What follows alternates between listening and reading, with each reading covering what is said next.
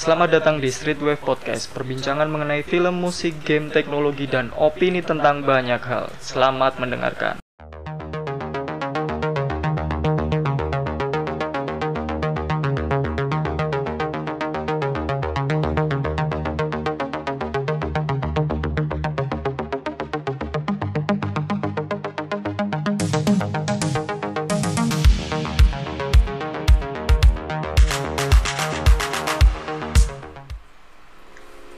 Streetwave Podcast episode ke-7 Kali ini kita di segmen Street Scene Sin. Mau bahas-bahas tentang film Eh, nggak tahu ini judulnya apa ini Bung Putut Ini judulnya filmnya eh, Bad Genius. Jadi kalau secara harfiah emang artinya adalah orang jenius yang Jahat jahat bad gitu ya. Jadi eh, Film dari mana ini? film dari dari Thailand ini kebetulan. Jadi Oh. ini film Thailand yang rilis pada 3 Mei 2017. Jadi mungkin sekitar ya Tiga tiga tahun. tahun. yang lalu lah. Nah film, Film ini Baru film ini- berarti ya? Ya, Hitungannya baru nah tergantung definisi baru itu kalau saya sih setahun, tapi kalau udah tiga tahun ya belum nonton juga hitungannya baru. Jadi ini filmnya didistribusikan sama GDH. GDH ini kebetulan uh, subsidiary atau anak perusahaannya atau anak perusahaan ya subsidiary pokoknya lah. Jadi Iya. JMM Grammy. Di JMM Grammy ini adalah bagian dari perusahaan legendaris produsen film Thailand yang bernama GTH. Sering lihat kalau GTH ada huruf G, T, dan H di depan film Thailand itu pasti yang bikin dari Oh. mereka. Nah, G-nya ini adalah JMM Grammy. Nah, mereka ini GTH kebetulan sudah bubar per 2015 dan yang masih tetap produksi filmnya sih JMM di bawah eh sorry, yang produksi GDH di bawah JMM gitu. Oh ini kalau kalau Amerika ini kayak Hollywood gitu ya? Apa kalau India itu kayak Bollywood atau gimana? Bukan. Enggak, kalau se- seperti rumah produksi aja. Oh, Kalau produksi. GDH eh, rumah produksi. Kadang-kadang ada ada yang rumah produksi, ada yang mendistribusi. Jadi ya bukan bukan kalau yang Amerika itu kan satu sa- hampir semua kita bisa bilang film terbitan Amerika Hollywood misalnya gitu. Ya. Nah kalau yang Thailand ini apa Thaiwood nih nggak nggak nggak ada juga jadi ya mereka hanya eh, inilah Ya, ini lah. cuma cuma perusahaan rumah produksi dari Thailand berarti. Hmm, kebetulan kalau yang kita mau bahas ini. Terus eh, film ini konsepnya itu menceritakan eh, anak-anak sekolah gitu ya, yang awalnya itu mencontek dalam ujian di sekolahnya dalam skala kecil, terus kemudian semakin lama semakin besar, semakin besar, kemudian berusaha untuk mencontek dalam level yang lebih tinggi, Bung. Jadi Oh. awalnya mereka contek per ujian biasa misalnya kayak ujian kenaikan kelas terus uh, ujian bulanan ujian apa namanya ulangan harian ulangan Iya, iya. bulanan gitu-gitu kan.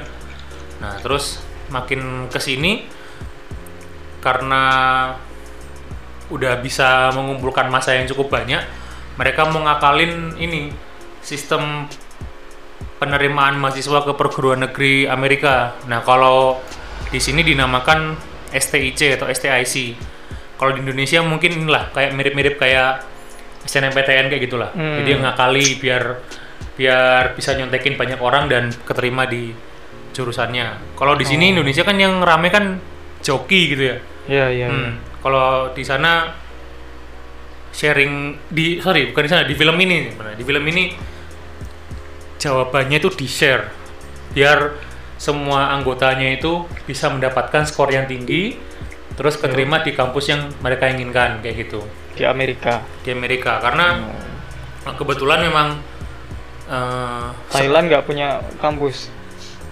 mungkin mereka punya kampus juga cuma kayak inilah Kurang bergengsi itu. lebih mantep kalau udah sekolahnya bayar mahal kuliahnya di Amerika. Amerika gitu mungkin ini. Oh, ini jadi ini kayaknya anak-anak orang punya duit tapi nggak nggak pinter gitu kayak ya. bodoh gitu lah istilahnya Oh. gampangannya. Jadi Tapi pasti ada yang pintar berarti. di Nah. karakternya itu pasti ada yang pintar. Ada yang jenius ini karena bad genius. Hmm, tokoh utamanya kebetulan pinter. Oh. Jadi oke. ini tokoh utamanya ini seorang cewek gitu ya, namanya Lin. Lin. Nah, Lin ini masuk ke sekolah baru yang dianggap sama bapaknya itu mampu memberikan peluang yang lebih besar untuk sekolah ke luar negeri atau ke Amerika tadi. Nah, Oh. tapi si Lin ini sebenarnya dia nggak pengen-pengen banget masuk ke sekolahan itu karena sekolahnya mahal. Terus kemudian dia datang dari keluarga yang pas-pasan. Jadi tahu diri lah istilahnya lah. Hmm, iya iya. Nah, tapi kan namanya orang tua kan selalu memberi yang terbaik buat anaknya. Jadi sepanjang film tuh dibilangin kalau udah nggak apa-apa, yang penting kamu bisa keterima di kampus yang kita inginkan bersama kayak gitu. Nah, Lin ini kan kebetulan cukup pinter untuk anak anak seusianya gitu. Jadi eh, kelihatan sangat mencolok lah perbedaan kecerdasan antara Lin dan teman-temannya. Oh. Nah, awalnya itu dia diminta sama teman deketnya. Jadi dia ada ada ada teman deket namanya Grace gitu kan. Nah, si Grace ini dia ya seperti yang tadi dia kaya tapi nggak pinter-pinter amat gitu. Kemu- Kebetulan karena kenal anak-anak anak baru gitu kan. Terus inilah kayak tanda petik memohon lah, memohon buat dicontekin pasti hari di ujiannya karena Lin ini udah jawab banyak gitu. Tapi si Grace ini belum jawab sama sekali. Eh, sorry sebelumnya ini kita akan spoiler ya. Jadi akan banyak spoiler di sini. Jadi sudah ditanggung resikonya ketika teman-teman ngeklik ngeklik video ini Hmm. sudah siap dengan spoilernya. Jadi kalau Iya, nggak mau spoilernya ya silakan langsung nonton aja entah gimana caranya ya silakan pikir Langsung sendiri. di skip nanti di bagian terakhir. Hmm, soalnya soalnya kan udah nggak soalnya udah nggak tayang juga. Iya, iya, Gimana iya. caranya kita Iya, mengaksesnya kan ke bioskop? Sekarang bioskopnya tutup karena Online mungkin. wah itu silahkan cari sendiri lah. Jalur kita tidak sediakan tapi silahkan cari sendiri. Nah jadi karena ngelihat temennya dalam kesusahan gitu, Bentar ini ini film bioskop ini bukan film ya ya ini Oh. sempat tayang di bioskop waktu itu. di Indonesia. Ya, kebetulan di Indonesia sempat tayang tapi tayangnya di ini eh, CGV kebetulan CGV. Oh. Jadi kan CGV kan emang khas menayangkan film-film yang nggak ditayangkan sama Yang lain. yang lain gitu karena dia Karena ini film Asia juga film ya. Asia betul. Hmm. Eh, Oke, oke. Kebetulan ini ceritanya jadi karena karena temennya tadi si Grace itu balik ke yang tadi ya jadi temannya si Iya. Grace itu dia kesulitan. Nah Lin ini muncul lah rasa iba atau empatinya gitu. Kemudian di dicontekin lah temennya ini dengan cara jawabannya ditulis di penghapus. Jadi sama kayak pas zaman-zaman kita sekolah dulu. Jadi jawabannya A B A B A A C D gitu. Nah ditulis di penghapus. Terus penghapusnya dioper ke belakang. Oh. Kebetulan Grace ini posisinya persis di belakangnya. Jadi inilah ter terfasilitasi lah dengan posisi duduknya kan karena emang dari dulu juga Pas ya, sekolah kan sesuai ini sesuai nomor urut. Hmm, posisi menentukan prestasi biasanya kan kalau kalau dalam zaman kuliah dulu kan Iya. ada ini posisi menentukan prestasi jadi jadi si Grace ini tertolong lah dengan dengan jawaban-jawaban dari si Lin nah Grace ini itu kemudian cerita sama pacarnya pacarnya namanya Pat nah si pacarnya ini lebih kaya lagi Oh. lebih kaya tapi juga nggak pinter ya emang ada ya sekolah kayak Lebih gitu ya? goblok lagi udah. ya ada kan sekolah kayak gitu kan ya. jadi dia isinya orang-orang kaya tapi Iya, sebenarnya iya, pinter iya, juga iya. nggak cuma Itu stereotip yang Stereotip. sering kita jumpai lah. entah di mana pun kita nggak nyebutin nama sekolahnya tapi kira-kira adalah tempat kayak gitu. Nah si Grace ini cerita sama pacarnya kalau dia dicontekin sama si Lin. Nah kemudian keluarlah usul gitu. Usul karena mereka tahu juga Lin ini dari keluarga yang keluarga pas-pasan lah. Jadi ditawarin ditawarin. Jadi kamu kalau mau ini nyontekin aku ini nanti per mata pelajaran tak bayar sekian kemudian ada sekian belas mata pelajaran kamu dapat sekian nah saya juga nggak sendiri saya punya teman-teman juga yang teman-teman yang butuh jawaban itu grupnya kita lima orang Hmm. Nah, hitung aja sendiri kamu dapat berapa. Tuh. Jadi server istilahnya. Di server, istilahnya kalau zaman kalau pas zaman kuliah Zaman- istilahnya jadi server ya. Zaman SMA ya, jadi server, Server. beli beli jawaban.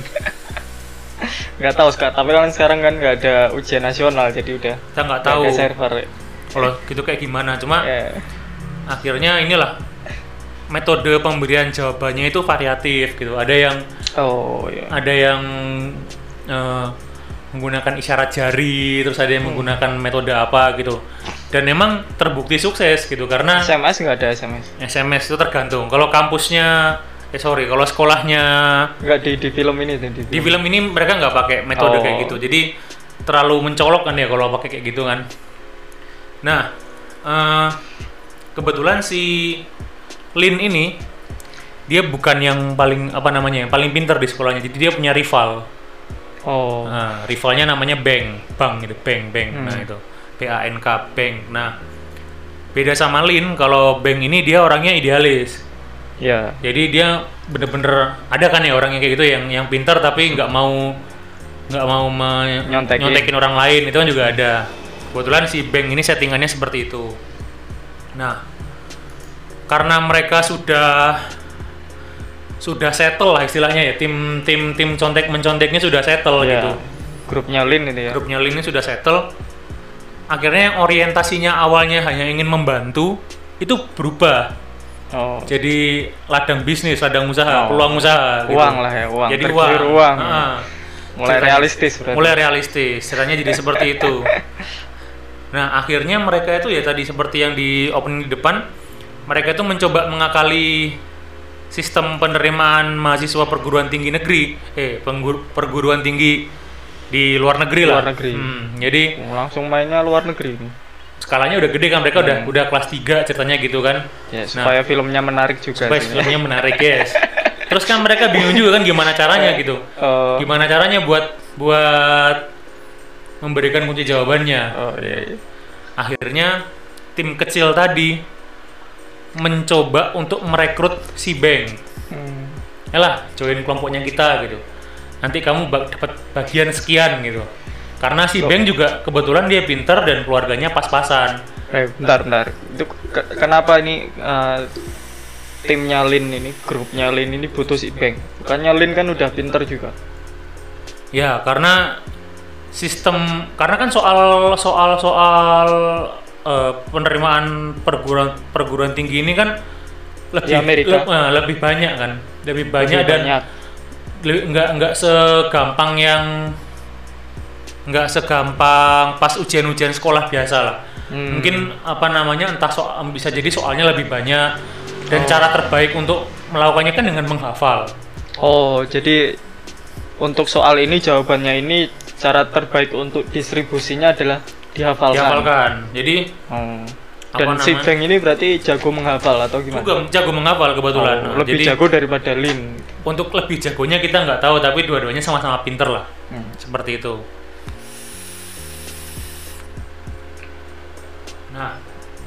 Sudah berhasil direkrut, terus kemudian ada tim yang ada tim inti yang yang bagiannya mikir strategi di dalam situ gimana untuk sistem dan pencontekannya gimana, ada yang ngumpulin orang. Hmm. Jadi siapa yang mau, siapa yang mau gitu. Dan sorry ya ini ini tadi di awal udah bilang spoiler ya. Metodenya ini epic, epic banget. Iya. Jadi mereka berdua itu tahu fakta kalau ujian ini dilakukan di seluruh dunia Oh. dan di mana Australia itu itu dua jam sebelum Thailand. Jadi Oh. di ketika Australia itu jam 8 maka di Thailand kan masih jam 6 kayak Hmm. gitu. Jadi ketika orang Thailandnya eh sorry orang-orang di Australia sudah mulai mulai ujian yang di orang Thailand masih siap-siap lah berdoa gitu-gitu kan. Nah, sarapan gitu. harapan kira-kira seperti itu. Nah, mereka berdua itu terbang ke Australia untuk mengerjakan soalnya lebih dulu. Kemudian jawabannya di share. Ada kejanggalan sebenarnya di sini, tapi kejanggalannya kita bahas di belakang aja kali ya. Hmm. Oke. Mereka kemudian menghafal meng- apa menger- eh sorry. Australia. Menger- ke Australia mengerjakan ujiannya. Terus dihafalkan dengan segala intriknya. Hmm.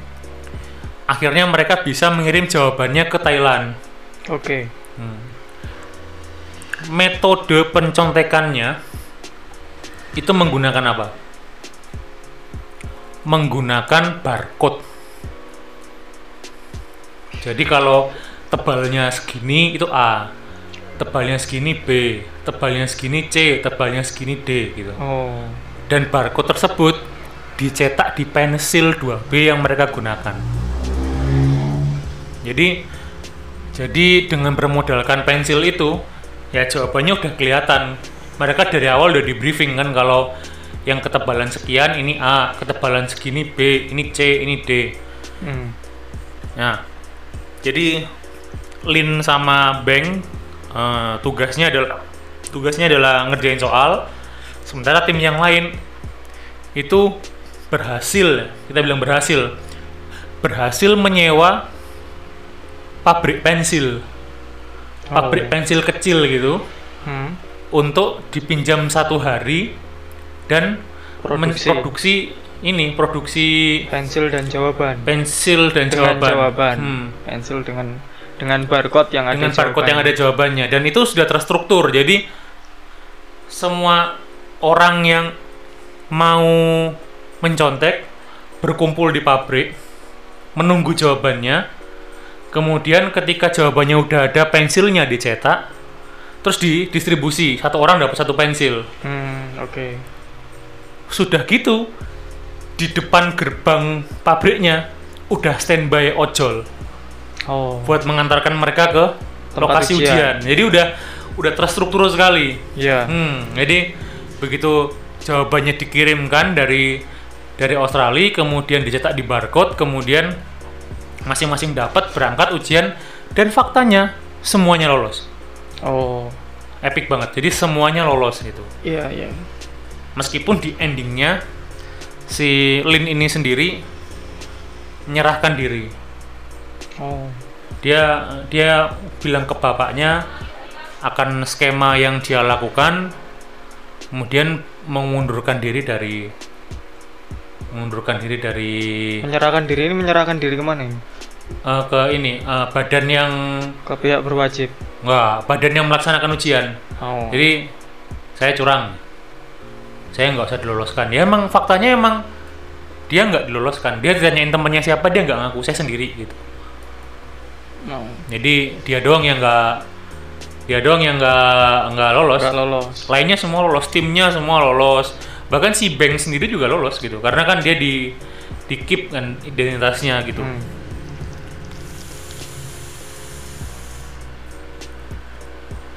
dan film ini kebetulan dengan cerita seperti ini ya dia itu bisa me- mendapatkan banyak penghargaan lah di luar Tapi negeri sebentar sebelum sebelum masuk ke penghargaan. hmm, gimana Terus gimana nasibnya si Lin gimana akhirnya? nasibnya ya tadi dia menyerahkan diri ke badan ujian Terus dia bilang dia curang jadi diskualifikasi ya sudah udah Hmm. film berakhir di situ. film berakhir di Enggak. situ dan memperlihatkan bahwa teman-temannya yang dia curangin Hmm. sukses mereka berpesta mereka Lin masih diajak pesta wah terima kasih terima kasih gara-gara kamu kita keterima di kampus ini kampus ini gitu Hmm, tapi oke. Linnya emang enggak Linnya Oh. diem aja kalau sebenarnya dia menyerahkan diri dan eh, dia nggak nggak meneruskan lah kasarnya Oh. Nggak ada ending lain apa kesimpulan lain setelah setelah kejadian itu. harusnya dibuat sequelnya ya tapi sejauh Oh. ini endingnya kayak gitu Oh, oke. Ini yang keren banget sebenarnya pas awal nonton kita kan mikirannya kayak apa ya film-film SMA biasa kali ya film-film Iya.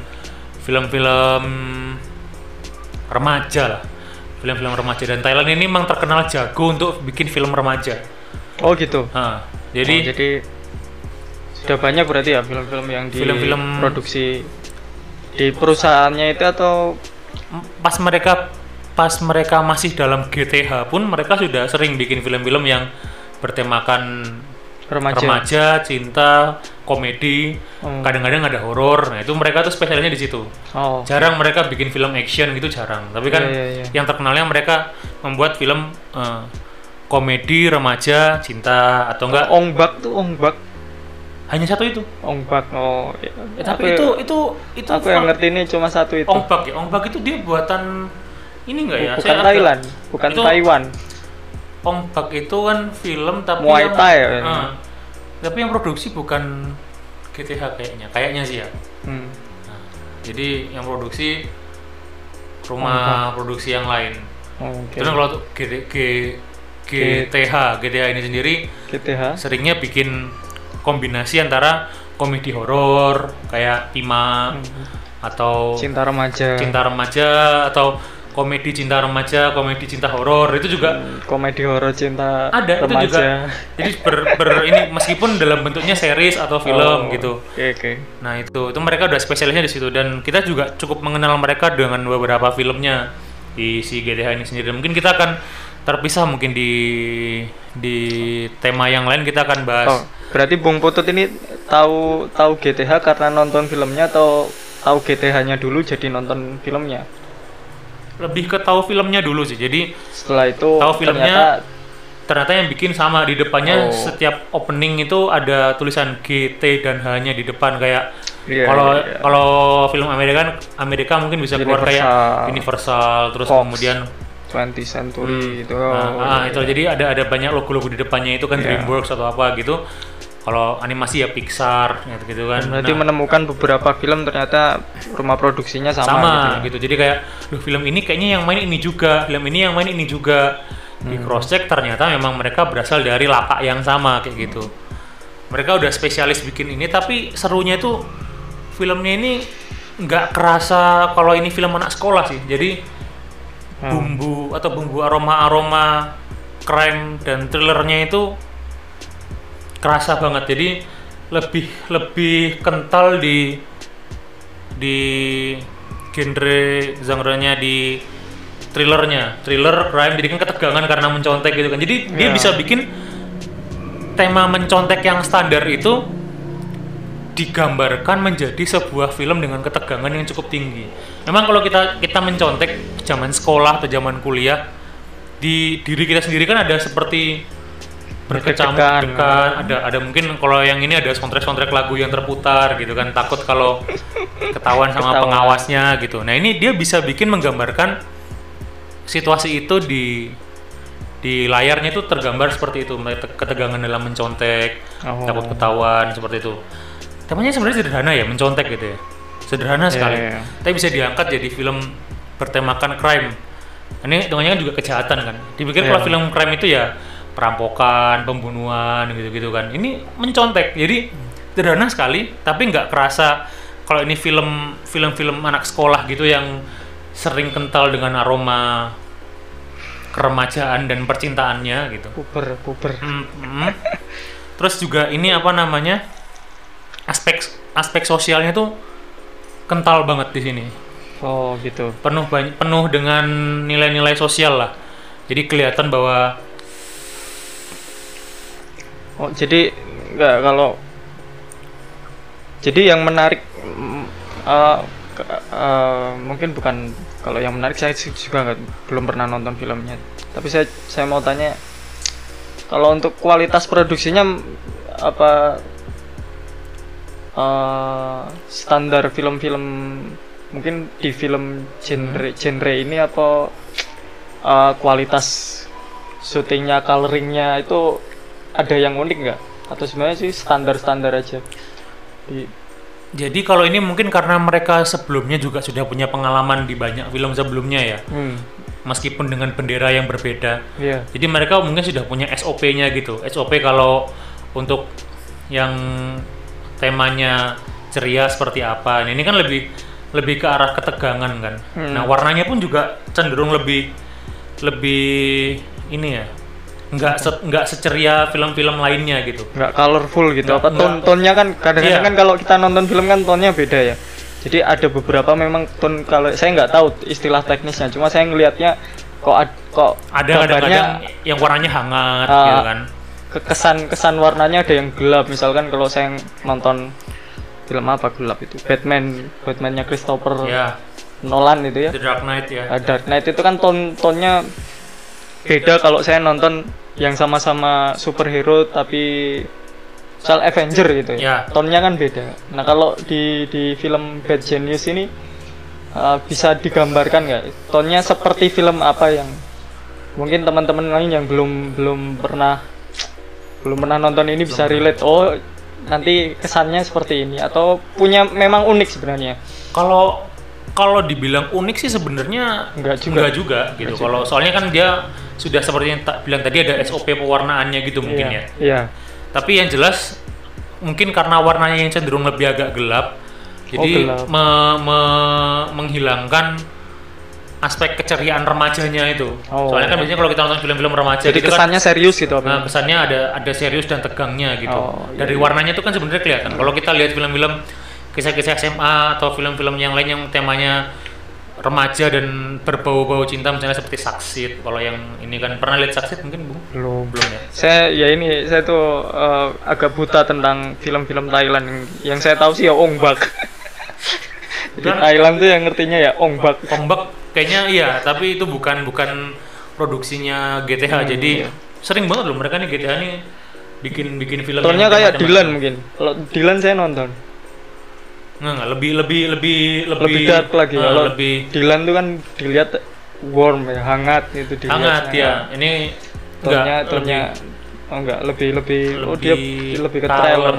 ke thriller gitu kayaknya jadi ada ya warna Oh, tuh ya. warna kan nggak bisa kita deskripsikan ya dengan kalimat dan kata-kata ya Tapi, ada bedanya tapi ada ya. bedanya bisa dilihat sendiri nanti mungkin cek di trailernya mungkin kalau si misal karena itu itu bagi saya pe- penikmat film penik- penik- apa, penikmat film ya eh, coloring atau kualitas gambarnya itu seringnya sangat berpengaruh kalau jadi saya nonton film tuh kadang-kadang dipengaruhi itu Ya. jadi contohnya misalkan filmnya sih nggak terlalu bagus temanya saya nggak terlalu tertarik tapi karena gambarnya bagus biasanya saya nonton jadi karena kan ada ada ada hubungannya ya nonton film kan pengalaman visual sebenarnya Ya. selain selain apa apa kita dapat cerita yang bagus mungkin ada twist twist di tengahnya atau penggambarannya bagus tapi kan visual itu juga uh, kalau menurut saya sih aspek yang penting makanya yang saya tanya di sini coloring dari si Bad Genius atau ya film Bad Nuansanya, Genius ini. ya. nuansanya sih seperti ini sampaikan tadi mungkin lebih ke menyupport jalan temanya ceritanya berada. kali jadi ya mengempasis Ya, jalan ceritanya di, ya. di, dikuatkan kalau ini unsur unsur-unsur crime dan thrillernya itu harus lebih didalamkan atau ditebalkan gitu. karena memang ternyata ada hubungannya gitu ya Hmm. di yang produksi itu kadang-kadang memang nggak sembarangan berarti ya Bung Putri saya nggak tahu sih sebenarnya memang ad- apakah apakah itu juga menentukan Bung Putut Saya sih Jadi, sebenarnya kalau melihat yang tonton. pe- ma- pelihat- perihal pewarnaan ini sebenarnya memang mereka sudah punya standar hmm. untuk yang la- akan tayang di layar lebar. Tapi kalau yang tayang di serial harian gitu ya, mungkin kalau di Indonesia belum. Tapi kalau di luar, kalau di luar, di luar sudah serial-serial. Bahkan even serial serialnya Thailand sendiri yang produksinya di sini saya juga pernah nonton tiga season. Warnanya juga cukup baik, warnanya juga support dengan temanya. Apalagi yang lebih ke atas lagi, misalnya ke Jepang atau ke ya ya Korea ya. maupun serial di Iya. luar luar Asia Selat, gitu. hmm. Ma- cuma Ya, kalau yang di dalam kayaknya belum. Tapi terlepas Hmm. dari itu, terlepas dari itu. Jadi ini filmnya ini sebenarnya menerima banyak pujian. Jadi oh eh, sudah banyak dipuji, terus kemudian berhasil secara komersil gitu. Internasional Ya. Asia atau Film ini film ini dulu ini pernah pernah dapat nilai sempurna di Rotten Tomatoes dulu. Pas pertama-tama muncul 10. 10 Tapi oh, kan apa namanya 10 makin dari 10 ya. Tapi makin ke sini kan Betul. adalah satu orang yang mungkin ngeposting nilai angka 9 jadi turun atau ada yang iseng ngasih nilai 2 biar turun itu juga ada. Nah, jadi iya serius kan ini buat namanya apa namanya rating dan itu kan selera Iya. selera penonton gitu. Terus kemudian juga dapat banyak penghargaan baik di Thailand sendiri maupun di luar negeri gitu. Nah ini filmnya ini eh, dari data yang saya dapat ya itu mereka bisa menjadi film dengan pendapatan tertinggi di tahun itu di Thailand. Oh, di tahun 2017 itu. 17. Nah, Berapa? Dapat berapa dia? Belum tahu ya.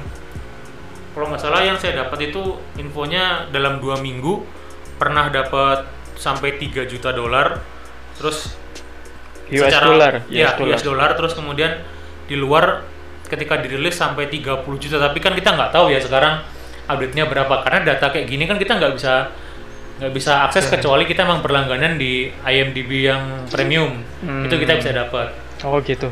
Hmm, tapi kalau yang ini ya kita hanya dapat data kalau mereka uh, penghasilannya cukup tinggi lah. Meskipun sebenarnya di balik banyak penghargaannya ini banyak juga poin-poin yang janggal lah. Tapi saya nggak tahu, mungkin karena saya bukan nggak nggak sekolah di Thailand ya, mungkin sistemnya beda. Masa Ya. maksudnya gini yang yang yang saya paling Oh ini berarti masuk ke kejanggalan-kejanggalan dalam filmnya itu ya. ya Yang Bung Putu temukan. satu yang paling yang paling mengganjal meskipun sebenarnya ini nggak penting-penting banget tapi mengganjal kalau saya Oh apa itu? sepanjang dari depan sampai ke belakang itu sepertinya film ini nggak ada celah Gak ada celah maksudnya? logis Oke. jadi yang dia lakukan itu logis Oh jadi jalan ceritanya itu logis. Jalan-jalannya gitu ya. logis gurunya jadi memberikan contekan saat gurunya tidak melihat itu kan Oh. logis kan ya ya itu kan ya kan nggak mungkin kan Iya, dalam iya, iya. dalam dalam scene-nya misalnya gurunya Memberi- atau pengawasnya ngeliatin terus dia nyontek bahkan Heeh. kita yang mau nyontek aja mikir-mikir lagi gitu Iya. nah itu kan logis tapi satu hal yang bikin saya ganjel atau mungkin ini sebenarnya di sana logis mungkin karena karena saya nggak sekolah di Thailand. Thailand jadi nggak tahu. Cuma kalau menurut saya yang di waktu saya penerimaan mahasiswa baru di kampus itu minimal satu kelas ada dua tipe soal. Oh lah kalau ini Nah sekarang dia mencetak mencetak ininya di Pensil? di pensil satu tipe gitu. Entah entah saya yang lupa jadi dua tipe di film itu, tapi seingat saya itu kayak gitu. Tapi mudah-mudahan saya yang salah. Hmm. Mudah-mudahan saya yang salah. Nah jadi itu sebenarnya yang mau saya tanyakan tadi yang saya mau apa nyela ketika Bung Putut cerita bahwa dia dia ngerjakan soal di Australia itu kan ya. Hmm. Itu kan cuma dua orang si Lin sama si siapa? Beng. Beng. ya Si Beng. Sementara kayaknya sih nggak mungkin kalau penerimaan mahasiswa skala internasional tipe soalnya cuma satu. Nah, iya Dan itu. yang ngerjakan cuma dua. Ya, Dan itu modelnya berarti gimana itu? Berarti dua orang itu ngerjakan soalnya, misalkan ada empat tipe soal, Hmm. berarti kan ada dua orang, cuma Nah, dua orang Ya, agennya. apakah dia menghafalkan Apakah kayak dia mengerjakan dua kali? Boleh nggak dia? Terus gimana caranya dia dapat soal, misalkan Link dan Bang ternyata nanti ngerjakan soal yang sama, berarti kan cuma satu aja yang bisa dia bisa kerjakan. Nah, itu yang- paket A berarti. yang itu yang paket B. saya agak-agak lupa karena nontonnya ada tiga tahun yang lalu ya tapi Oh, oke. tapi ceritanya cukup membekas cuma Hmm. detailnya mungkin Lupa. agak sedikit lupa gitu Hmm. ya nah soalnya pas zaman zaman di Indonesia aja gitu di sini gitu ya untuk penerimaan seleksi masuk perguruan tinggi negeri itu soalnya beberapa tipe yang pertama terus yang kedua juga mata kuliah eh sorry mata ujiannya itu nggak cuma satu ya kan Hmm. jadi ada ada bahasa matematika bahasa Inggris bahasa Indonesia terus hari berikutnya dua hari Ya, udah tuh kan ya. ya dua hari ada matematika kalau yang untuk yang IPA saya nggak tahu kalau yang IPS soalnya saya kebetulan ngambilnya IPA jadi ada matematika apa namanya Mungkin Matematika, kalau itu IPA. ujian nasional, Bung. Tapi kalau ini kalau internasional sama kayak senam PTN. Jadi satu hari itu rapel set semua. mungkin mungkin jadi semua mungkin- seperti itu. Tapi kan pasti akan ada variasi. Paling enggak ganjil genap kalau punya ya kita. ganjil genap, ah, ganjil genap misalkan tahun lahir. Tapi kalau ini kan daftar ya, ya nggak tahu sih ya. ini nggak tahu saya mungkin detailnya detailnya mungkin agak sedikit keliru tapi mudah-mudahan saya yang salah gitu jadi Ya nggak apa-apa. Jadi Supaya- supaya nanti film ini yang terlihat. Bisa bisa cross tahu detail detailnya Hmm, gitu ya. di-cross-check. Jadi nggak spoiler semuanya. ya ini Mau spoiler juga ternyata nggak lupa. Iya, jadi saya lupa di bagian terakhirnya cuma saya cuma tahu mereka berdua bekerja sama untuk Hmm. sharing jawaban Atau ternyata intriknya di situ, Bung, yang menjadi apa polemik nanti di situ. Jadi cara mereka untuk mengerjakan semua soal itu hanya dengan dua orang dan waktu yang terbatas mungkin itu iya. Mungkin petualangannya di Australia nggak tahu sih saya juga belum ini juga pernah. kita belum ah, saya juga Jadi, agak-agak lupa. ini malah aneh nih ya kita cerita film tapi kita malah menebak apa jalur filmnya di di dalamnya tapi Mungkin ya nggak karena karena karena udah udah udah agak Eh. lama jadi nggak Eh. fresh lagi ya. Tapi memang memorable sekali sih. Iya. coba kita coba cek di ininya. Eh, untuk sekarang itu eh, Bad Genius ini skor di ini ya skor di IMDb-nya itu nah ini 76 apa berapa itu 7 7,6 kalau yang Oh. di IMDb 7,6 dari 10 yang merating 16.000 eh nah, kalau di Bad. Genius ini, kalau yang di sorry Bad Genius yang di Rotten Tomatoes itu tomatometernya atau Hmm. yang review dari kritikus itu masih 100%. hmm. Cuma yang audience score-nya ya, itu ya, 94. ya. Gitu. Jadi sebenarnya saya nggak tahu ini kan soalnya rat- na- namanya rating itu kan ini ya Ya, selera statistik. personal ya. Mungkin kalau kita kita nonton berdua sama-sama puas akan filmnya, mungkin saya bisa ngasih 8, yang lain bisa ngasih 7 gitu. Mungkin menurut mereka 7 itu sudah cukup baik, misalnya seperti itu. Itu kan namanya angka kita nggak bisa standarkan gitu ya. Tapi cu- tapi kalau saya ngeliat kalau kalau sampai 100% itu saya nggak tahu sih tapi ke- kalau bagi saya kalau saya jadi kritikus walaupun bukan kritikus Hmm, ya, ah. memberikan pengamat lah ya. eh, pengamat misal saya jadi pengamat saya kayaknya nggak mungkin memberikan ya apa ya Nilai 100, 100 gitu. gitu loh soalnya 100 itu ya itu kan Sempurna. menggambarkan kesempurnaan gitu sementara kesempurnaannya ya gimana kalau genre khusus misalkan genre apa? Remaja cinta trailer dengan tema-tema seperti ini ini kesempurnaannya gimana? Kalau dibantah dengan lo kan actionnya nggak ada nggak ada apa? Nggak ada visual effect yang me, apa?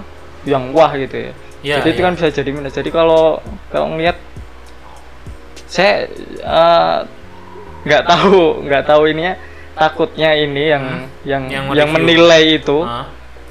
itu karena orang Thailand juga dan bangga dengan film Thailand itu apa mungkin Atau gitu mungkin gitu juga. Kita, kita karena di Indonesia kan juga seringnya kayak gitu. seringnya ya. gitu jadi kadang-kadang kalau kita wah ada produk Indonesia kita over proud gitu loh Eh, Ya. over apa ya over apa bener over proud. ah ya over bangganya berlebihan jadi penilaiannya jadi sangat-sangat subjektif gitu walaupun kalau di sini sih nggak masalah di street wave kita memang mengedepankan subjektivitas Ya.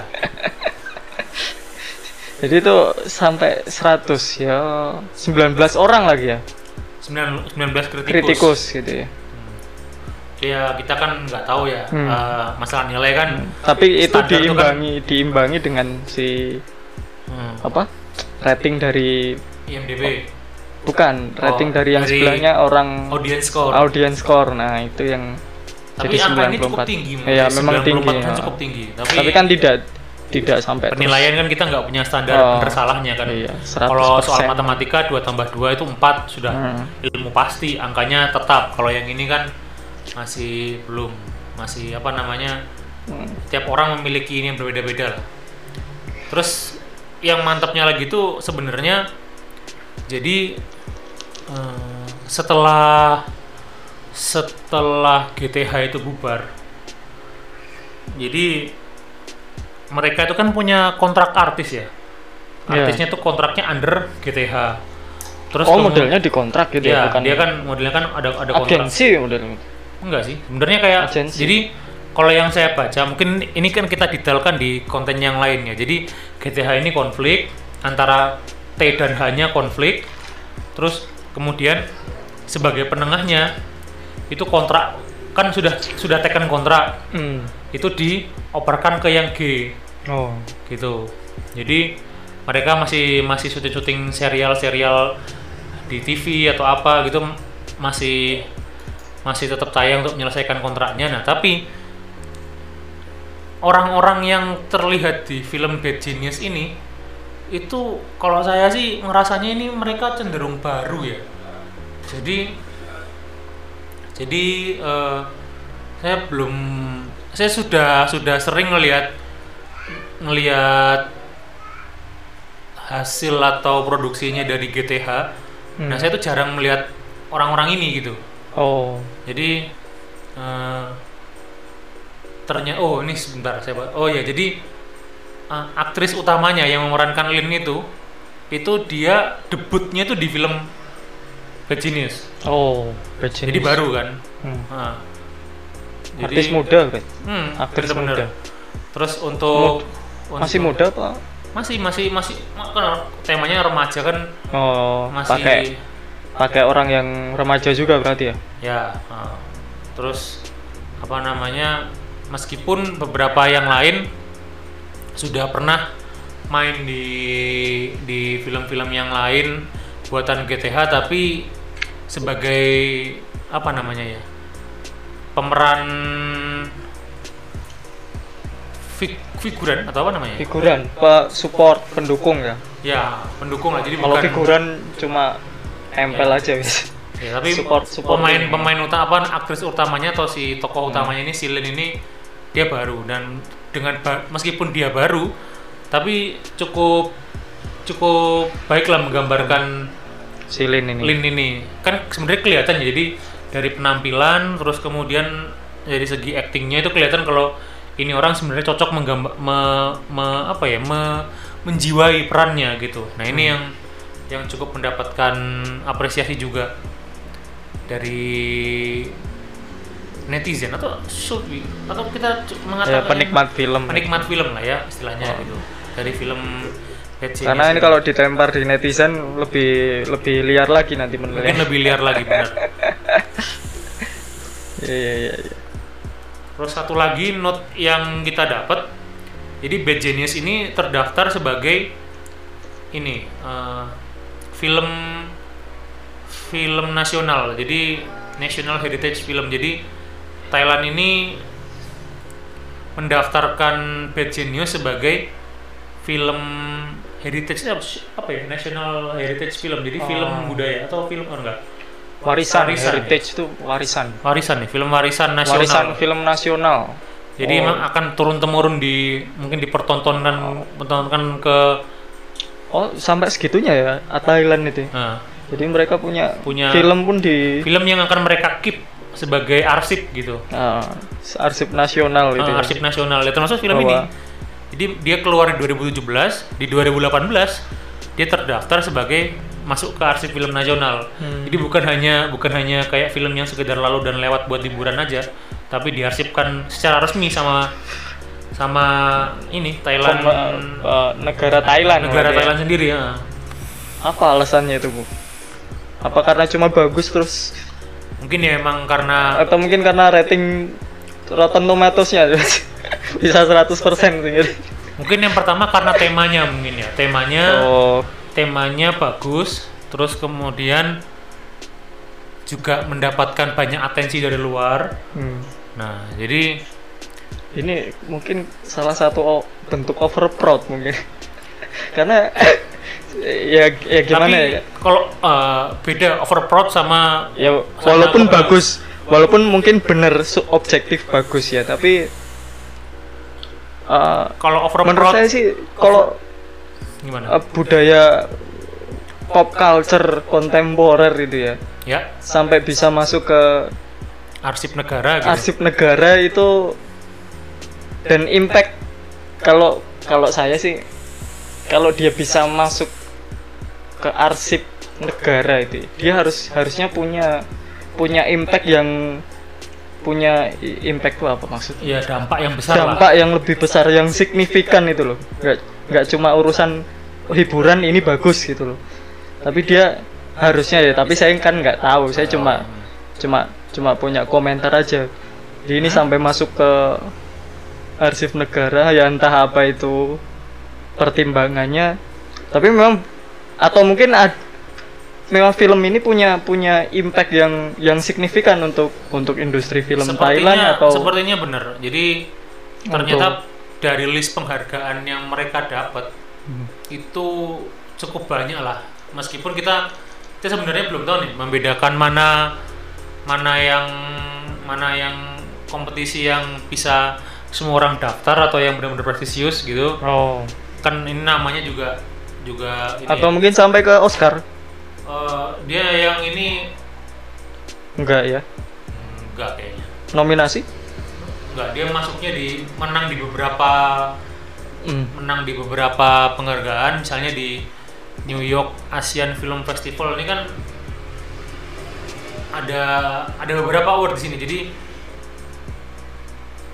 jadi ada di New York Asian Film Festival menang terus Fantasia International Film Festival menang Fantastic Fest terus Toronto Real Asian International Film Festival terus ada ini Supranahung National Film Award Hmm. Asian Film Award terus Iya, iya. di Bangkok Critic Assembly Award nah itu beberapa banyak penghargaan yang mereka bawa lah gitu Hmm. Dia menang banyak banyak penghargaan. penghargaan. mungkin itu mungkin dampak atau impact yang diberikan kepada negaranya mungkin ya atau Saya nggak tahu. Ini salah satu bagian ya bukan bukan kritik sih tapi kok bisa ya film dengan ya, ya, Hmm, maksudnya kalau heritage itu ya apalah misalkan peninggalan bersejarah ya yang punya apa urusan dengan uh, kebangsaan tingkatnya sampai negara atau punya impact yang punya dampak yang signifikan gitu ya. ya Tapi kalau film kalau urusannya cuma penghargaannya banyak ya yang saya tahu juga banyak juga negara-negara yang punya film dengan kualitas yang tinggi tapi ya nggak atau mungkin Nggak. negaranya emang nggak punya arsip aja mungkin mungkin ya, mungkin, ya, mungkin. saya jadi penaras, pen- apa penasarannya itu malah, malah di situ Apakah- gitu loh. apakah negara lain itu tidak punya Kenapa nggak ongbak gitu loh Bung Put? Karena ongbak itu kan mungkin bisa jadi ini ma- menggambarkan sesuatu yang sangat khas Thailand gitu loh. Dia Ya, itu ya. gajah gitu. Ya. Tapi ya nggak tahu sih. ini, ini ada Saya ada- ngertinya kan cuma ongbak. ini ada listnya tapi fontnya Berbahasa Thailand nih jadi kita nggak bisa bahasa Tagalog ya. bukan Tagalog kayaknya Filipina ini. Nggak tahu sih. Film, Filipina. pokoknya ada ada ada listnya jadi kenapa dia oh sorry. List film apa aja yang masuk itu nah ini sebentar. Oh ini ada EN bisa jadi EN kan di Inggris kan? Oh nggak bisa. Bentar Atau ternyata memang badan khusus film Thailand gitu. juga kurang paham sih kalau ininya.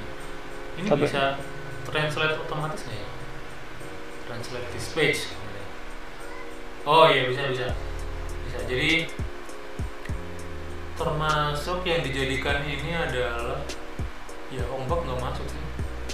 Rata-rata tuh filmnya film tahun di bawah tahun 90 Hmm. tahun 1903 Iya. terus tahun 57 62 ya paling baru ya Bad Genius ini. Terus kemudian yang sebelumnya itu ada Kan Kan Kan Kwai film tiga dimensi tahun 2006 tentang gajah. Ini juga masuk ke National Heritage-nya dia. Hmm. Monster film tahun 2004 nah ini dia ada listnya sendiri Tapi paling baru si Bad Genius tadi. Genius tadi 2000 ini 2017 Ya ya terlepas dari itu sih mungkin memang Thailand punya yang standar Punya- tersendiri lah yang kita punya nggak tahu. pertimbangan kultur budaya dan pertimbangan sendiri pertimbangan sendiri benar sampai ya kalau sampai kayak gini sih saya sih baru menemukan ini jadi pop pop culture ya pop culture itu apa saja entah itu musik entah itu film ya pop budaya populer produk budaya populer yang bisa masuk di arsip nasional salah satu negara gitu. Walaupun itu pasti subjektif negaranya itu gitu. Betul betul. Ini kita mencoba ada da- ada data soal tadi ya box office Hmm. penghasilannya mereka itu jadi mereka itu modal buat bikin film ini itu hampir 2 juta dolar ya kemudian bawa balik 44 setengah hmm. jadi balik modalnya sekitar 20 kali lipat lebih Hmm. ya lumayan sih ya ya dua dua ribu dua puluh ribu persen 20 kali lipat lah pokoknya lah. 20.000 persen. modal 2 juta balik 45 juta Hmm. ya kalau di kehidupan nyata sih dirupiahkan ya besar ini kalau dirupiahkan itu pendapatan mereka secara overall dari data yang kita dapat itu Bentar. kita kita sedang konversi ini konversi di 40 44 juta dolar. 44,5 juta dolar itu sekitar bentar.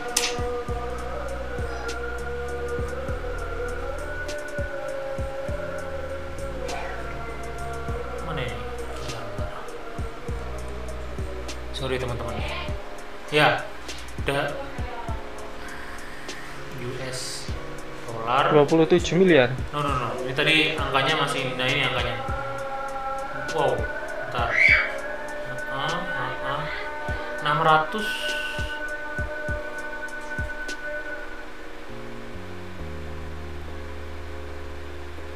Ya, 645 miliar. 645 miliar. Hampir setengah triliun Hampir setengah triliun untuk Hmm. mod. Eh, keuntungannya. Iya, bentar. Ini soalnya kita nggak nggak ini datanya. Eh, nih. Ya, 645 miliar ya kalau dari ini. 645 miliar. Jadi Pendapatan sampai hari ini. sampai hari ini Oh. yang kita dapatkan di di internet ya. Kalau di internet harusnya sih bener, cuma nggak tahu.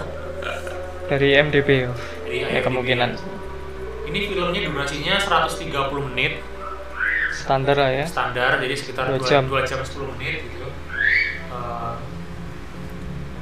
genre apa untuk untuk untuk ininya Ratingnya ini remaja- cocok untuk remaja. remaja. Oh. jadi mungkin kalau di Indonesia kayak dengan bimbingan orang tua gitu ya Oh iya iya. bukan masuk ke dewasa jadi Supaya nggak nyontek juga. ya ya mungkin mungkin, mungkin biar nggak nyontek tapi ya nyontek ya tergantung Iya individunya iya iya iya.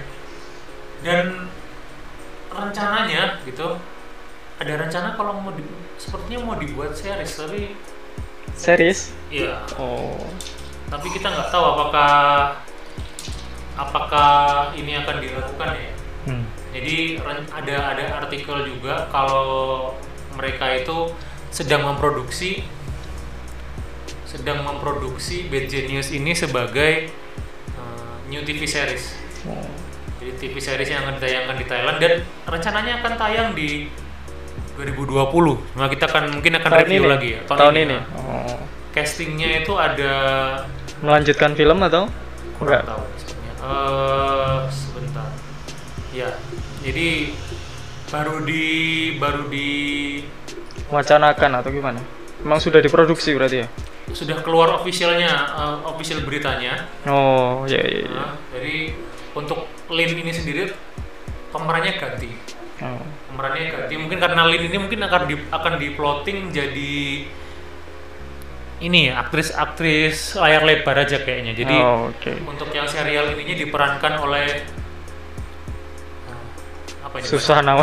namanya cukup sulit ya, tapi panggilannya Yap. Jun Oh Jun. Oke. Jun C U N E Jun BNK 48 Oh. mungkin Apa ini BNK 48? Bangkok Bangkok Oh kayak kalau di sini JKT 48 gitu ya? yes Oh iya iya. apa iya. perlu kita adakan topik pembahasan ini sendiri Ya mungkin bagi teman-teman pecinta kita- film Thailand gitu ya. Bisa Ini ada rekomendasi dari Bung Putut salah satu film Thailand yang Bad berjudul Genius, Bad Bad, Genius. Bad Genius. Jadi orang genius yang bad, ya Bad Genius gitu ya. Dengan cerita remaja skala internasional atau gimana mencontek- penggambarannya? mencontek skala internasional Ya, jadi Jadi kecurangan. taking cheating to another level Oke. Biasanya nyontek cuma ujian kenaikan kelas ulangan bulanan ulangan harian bahkan kenaikan kelas tapi Kelulusan ini gitu ya. ya ini ini dibawa sampai ke level internasional karena mereka mau nyontek di skala Mau pengen masuk universitas di Amerika Amerika. nggak tahu kalau di sini bisa nggak pakai joki gitu kalau di sini kan Indonesia kan cukup ramai dengan joki Pen- masuk kampus gitu ya. masuk kampus negeri dengan joki misalnya gitu Iya, iya, mungkin iya, perlu mungkin bisa ide menarik buat produsen eh produser produser produser atau produsen film untuk mengangkat tema joki penjokian ya. belum pernah ini belum Iya, ada yang ada iya. film yang bertemakan joki-joki seperti ini Hmm, oke. Ada lagi Bung Putut dari film Bad Genius nih poin-poin yang menarik atau kejanggalan lagi mungkin. Tadi kan kejanggalannya di plot Di plot ceritanya, ceritanya, tapi iya. kan agak-agak lupa jadi ya ini ya. Tapi harus di harus di nanti teman-teman review lagi. ya teman-teman Ah. bisa cross check sendiri mungkin Ah. nonton Iya. entah, entah gimana caranya gitu ya kita nggak nggak merekomendasikan link-link tertentu gitu ya silakan cari sendiri Ya ya ya ya. kita nggak menyediakan nggak menyediakan linknya gitu ya mungkin Tapi gini Bung Putut, ini di eh, ma- maksud saya kayak gini. Misalkan kalau saya senengnya nonton nonton film superhero gitu ya, itu cocok untuk misalkan direkomendasikan film Batman gitu ya. Nah kalau ini rekomendasinya untuk orang yang seneng dengan genre apa gitu. hmm. Jadi tahu-tahu nggak ya? Maksud Iya, saya iya. tahu ya. Nangkep, nangkep, nangkep maksudnya. jadi ini sebenarnya dari ceritanya sih sudah cukup unik sebenarnya Oh.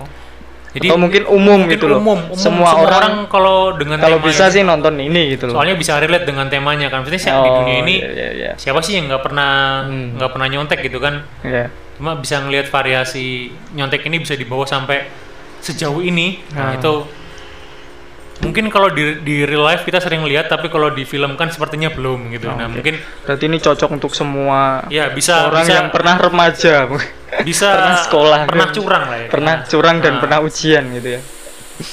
bener-bener Oh, jadi bisa bisa lah kalau di- dibuat tontonan sambil sambil WFH gitu kan sorry Hmm. eh, jeda-jeda WFH Hmm. saya nggak bilang kalau pas kerja nonton film ya jadi pas jedanya mau nonton atau lagi bosen jenuh PSBB bisa juga nonton ini atau mungkin butuh variasi tontonan lain. Mungkin karena kebanyakan film Hollywood atau mungkin Ya, kebanyakan nonton fresh. Bollywood. idenya gitu ya. juga cukup fresh jadi Ternyata di level Asia pun ada film yang punya kualitas yang yang bagus. gitu. bagus nah kita nanti juga akan share film-film lain yang Oke. yang di luar di luar radar kayaknya ya Ya, eh, ya kita butuh butuh sesuatu yang ya kadang-kadang orang itu senang dengan sesuatu tapi juga ada bosennya gitu ya. Ini kalau saya sih saya juga nggak tahu, saya juga belum nonton tapi mungkin bisa jadi alternatif gitu ya. nanti habis ini kita nonton lah Ah, habis ini kita nonton tapi linknya nggak disediain itu aja Oke. Oke, ada lagi Bung Putut? Nah, sementara itu aja kali Oke. Ini tadi ya pembahasan di segmen street scene gitu ya. Uh, salah satu film Thailand yang direkomendasikan Bung Putut, Bad Genius, uh, apa? ya Take Take Cheating to Another Level. Ya. gitu ya. Very recommended, ya sangat direkomendasikan. Ya, Oke. Juga bagi para pecinta film perfilman. Thailand. Tapi kayak kalau saya ngelihatnya memang Thailand ini ada ada ada uh, penggemarnya ada pasarnya tersendiri ya di di di Indonesia ini. Iya, Orang-orang mereka- yang seneng film-film Thailand ini. mereka selalu menyajikan ide yang mereka siapkan dengan unik dan mudah dicerna jadi Oh, renyah lah Oke, sip. Mungkin Itu tadi obrolan kita tentang Bad Genius di segmen Street Scene. Eh, terima kasih sudah mendengarkan Street Wave episode ke-7 ini ya. ya Ini Street Scene kedua kalau nggak salah, Bu. Ya setelah yang Punisher kemarin. Uh, setelah yang Punisher yang belum mendengarkan mungkin teman-teman bisa ngecek obrolan kita tentang The Punisher. Uh, ada lagi Bung Put? Sudah nggak Ya, ada? itu aja. Ah, itu aja. Terima kasih sudah mendengarkan. Saya Haris Aribowo. Dan saya Putut Bagaskoro. Selamat beristirahat. Sampai jumpa di podcast selanjutnya